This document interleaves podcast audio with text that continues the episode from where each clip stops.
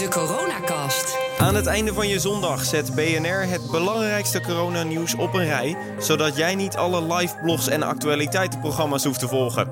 En zodat je binnen een paar minuten op de hoogte bent. Ik ben Kees Dorrestein, vanuit huis volgens het coronaprotocol. En dit is de Coronacast van 15 maart. Het belangrijkste nieuws van vandaag is dat alle scholen, crèches, horeca en sportclubs vanaf nu tot in ieder geval 6 april dichtgaan. De bestaande maatregelen die er zijn worden ook met een week verlengd tot en met 6 april.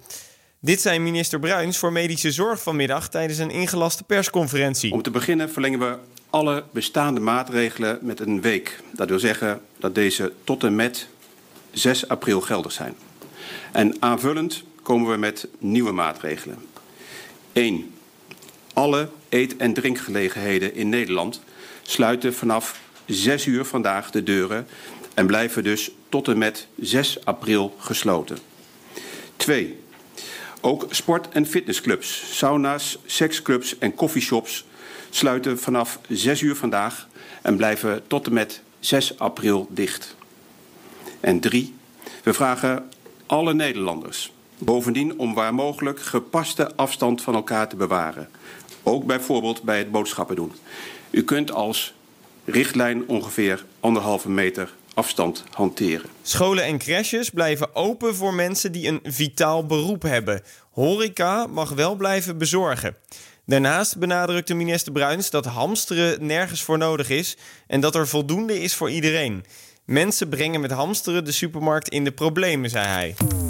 Dan naar die vitale beroepen, want daarvan is ook een lijst gepubliceerd. En die lijst neem ik even met je door. Onder die vitale beroepen vallen beroepen in de zorg, dus ook de productie en transport van medicijnen en medische hulpmiddelen, leraren en personeel benodigd op school, openbaar vervoerpersoneel, medewerkers die belangrijk zijn voor de voedselketen. Denk aan supermarktmedewerkers, toelevering daarvan en ook bijvoorbeeld de productie bij boeren. Transport van brandstof, zoals kolen, olie, benzine en diesel. Het vervoer van afval en vuilnis.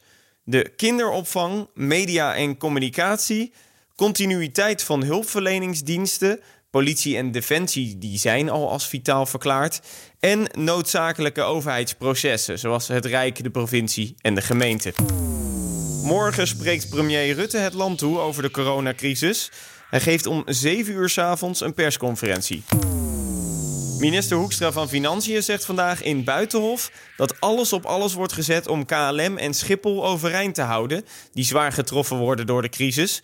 Want het is een vitaal onderdeel van de Nederlandse economie, zegt hij. Maar veel breder geldt wat mij betreft dat het, het, het, het smalle belang van de schatkist, eh, hoe belangrijk ook, eh, dat valt hier toch in het niet bij het grotere belang eh, van de economie. Zorgen dat bedrijven door kunnen. En over reizen gesproken, ook TUI en Sunweb hebben nu alle reizen tot het einde van de maand geannuleerd.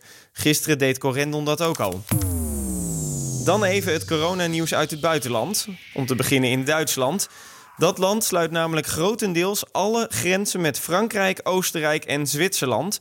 De grens met Nederland die blijft nog open. En in Spanje zijn er in één dag bijna 2000 besmettingen en 150 doden bijgekomen. Daar is nu de noodtoestand afgekondigd. Bewoners mogen alleen hun huis uit als het strikt noodzakelijk is. Dan nog even de stand van zaken in Nederland op dit moment. Het RIVM meldt vandaag dat het aantal sterfgevallen met 8 is gestegen naar 20 en dat er 176 nieuwe gevallen bij zijn gekomen en dat we nu op een totaal staan van 135. Volgens GGD-directeur Sjaak de Gouw zou het aantal mensen dat besmet of besmet is geweest in Nederland al op zo'n 6000 staan, op basis van wiskundige berekeningen. Dat zou hij in een e-mail aan collega's hebben geschreven, meldt RTL Nieuws. Het totaal aantal besmettingen ter wereld staat nu op zo'n 168.000. Daarvan zijn al bijna 77.000 mensen genezen. Tot slot nog een opmerkelijk gevolg van het sluiten van de horeca in Nederland. Voor veel koffieshops in grote steden stonden vanavond stratenlange rijen van jongeren die nog even last minute wat wilden halen.